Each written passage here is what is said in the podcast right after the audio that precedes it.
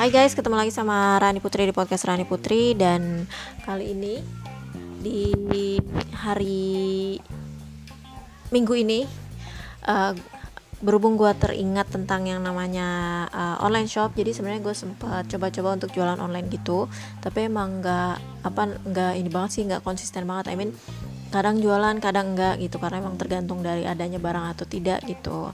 Tapi emang jual beli online itu ini ya uh, yang paling mudah gitu. Selain nggak terlalu ribet soal tempat gitu kan terus juga uh, bahkan kita bisa dropship juga gitu.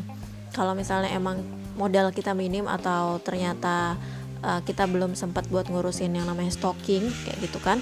Bukan stocking kaos, kaos kaki ya tapi uh, stok barang gitu produk stok gitu. Jadi kita bisa kita masih bisa ikutan yang namanya dropship atau juga mungkin kita jadi reseller gitu kan dari uh, satu agen.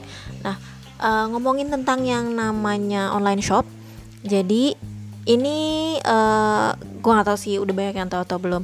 Tapi sebenarnya untuk peraturannya sendiri udah ada sejak tahun 2019.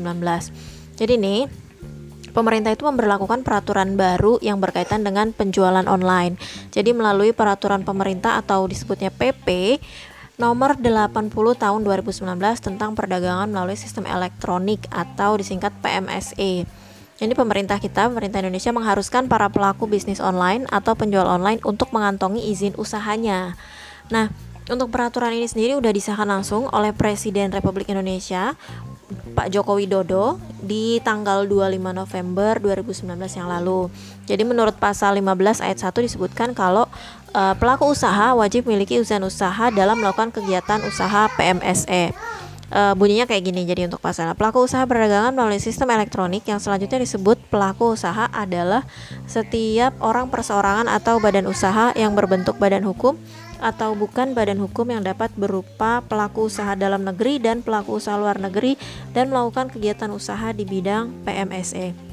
Nah, keputusan ini diterapkan untuk menghindari hal-hal yang tidak diinginkan dalam transaksi online gitu. Jadi ini juga selain melindungi konsumen, ini juga melindungi dari oknum-oknum yang mungkin uh, banyak juga ya melakukan modus-modus uh, penjualan online kayak misalnya tipu-tipu gitulah.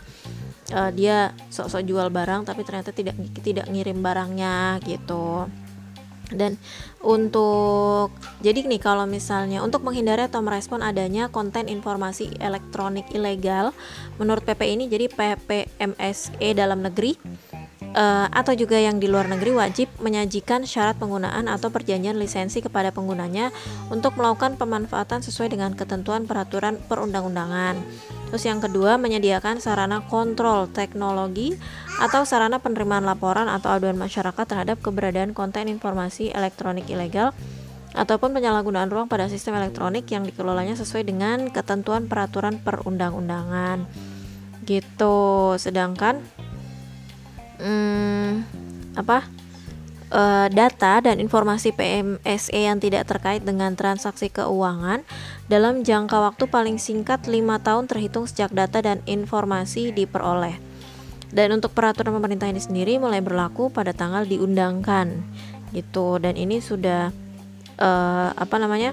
Ini merupakan bunyi pasal 82 ya untuk peraturan pemerintah nomor 80 tahun 2019 yang telah diundangkan oleh Menteri Hukum dan HAM Yasona Alauli pada 25 November 2019. Jadi mungkin buat teman-teman yang udah punya online shop atau mungkin uh, berniat untuk uh, bikin online shop atau mengadakan satu transaksi online bisa diperhatikan juga tentang yang namanya perizinan usaha atau perizinan kegiatan usaha PMSE. Jadi uh, gimana cara pendaftarannya mungkin nanti bisa dicek juga gimana cara ngedaftarinnya uh, biar biar lebih aman juga untuk penyelenggaraan online shopnya gitu kan dilindungi juga gitu kan dan lebih apa ya lebih terasa juga gitu sih. Mungkin juga buat teman-teman yang suka belanja online shop nanti ke depannya bisa ngecek juga apakah memang uh, toko online tersebut memang sudah sudah berizin gitu atau atau atau cukup aman gitu untuk melakukan transaksi di toko tersebut kayak gitu. Meskipun memang sebenarnya banyak juga sih untuk kalau di marketplace marketplace jadi dari pihak marketplace nya sendiri atau e-commerce nya sendiri itu biasanya udah ngelakuin kayak verifikasi juga gitu kan gitu. Itu sebenarnya juga udah satu usaha satu usaha awal untuk melindungi konsumen juga gitu. Dan kita juga sebagai konsumen perlu lebih apa lebih tahu lagi lebih update lagi dan lebih uh, lebih teliti lagi gitu dalam melakukan transaksi online gitu.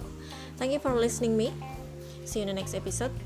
Jangan lupa untuk selalu ikutin uh, podcast Rani Potri.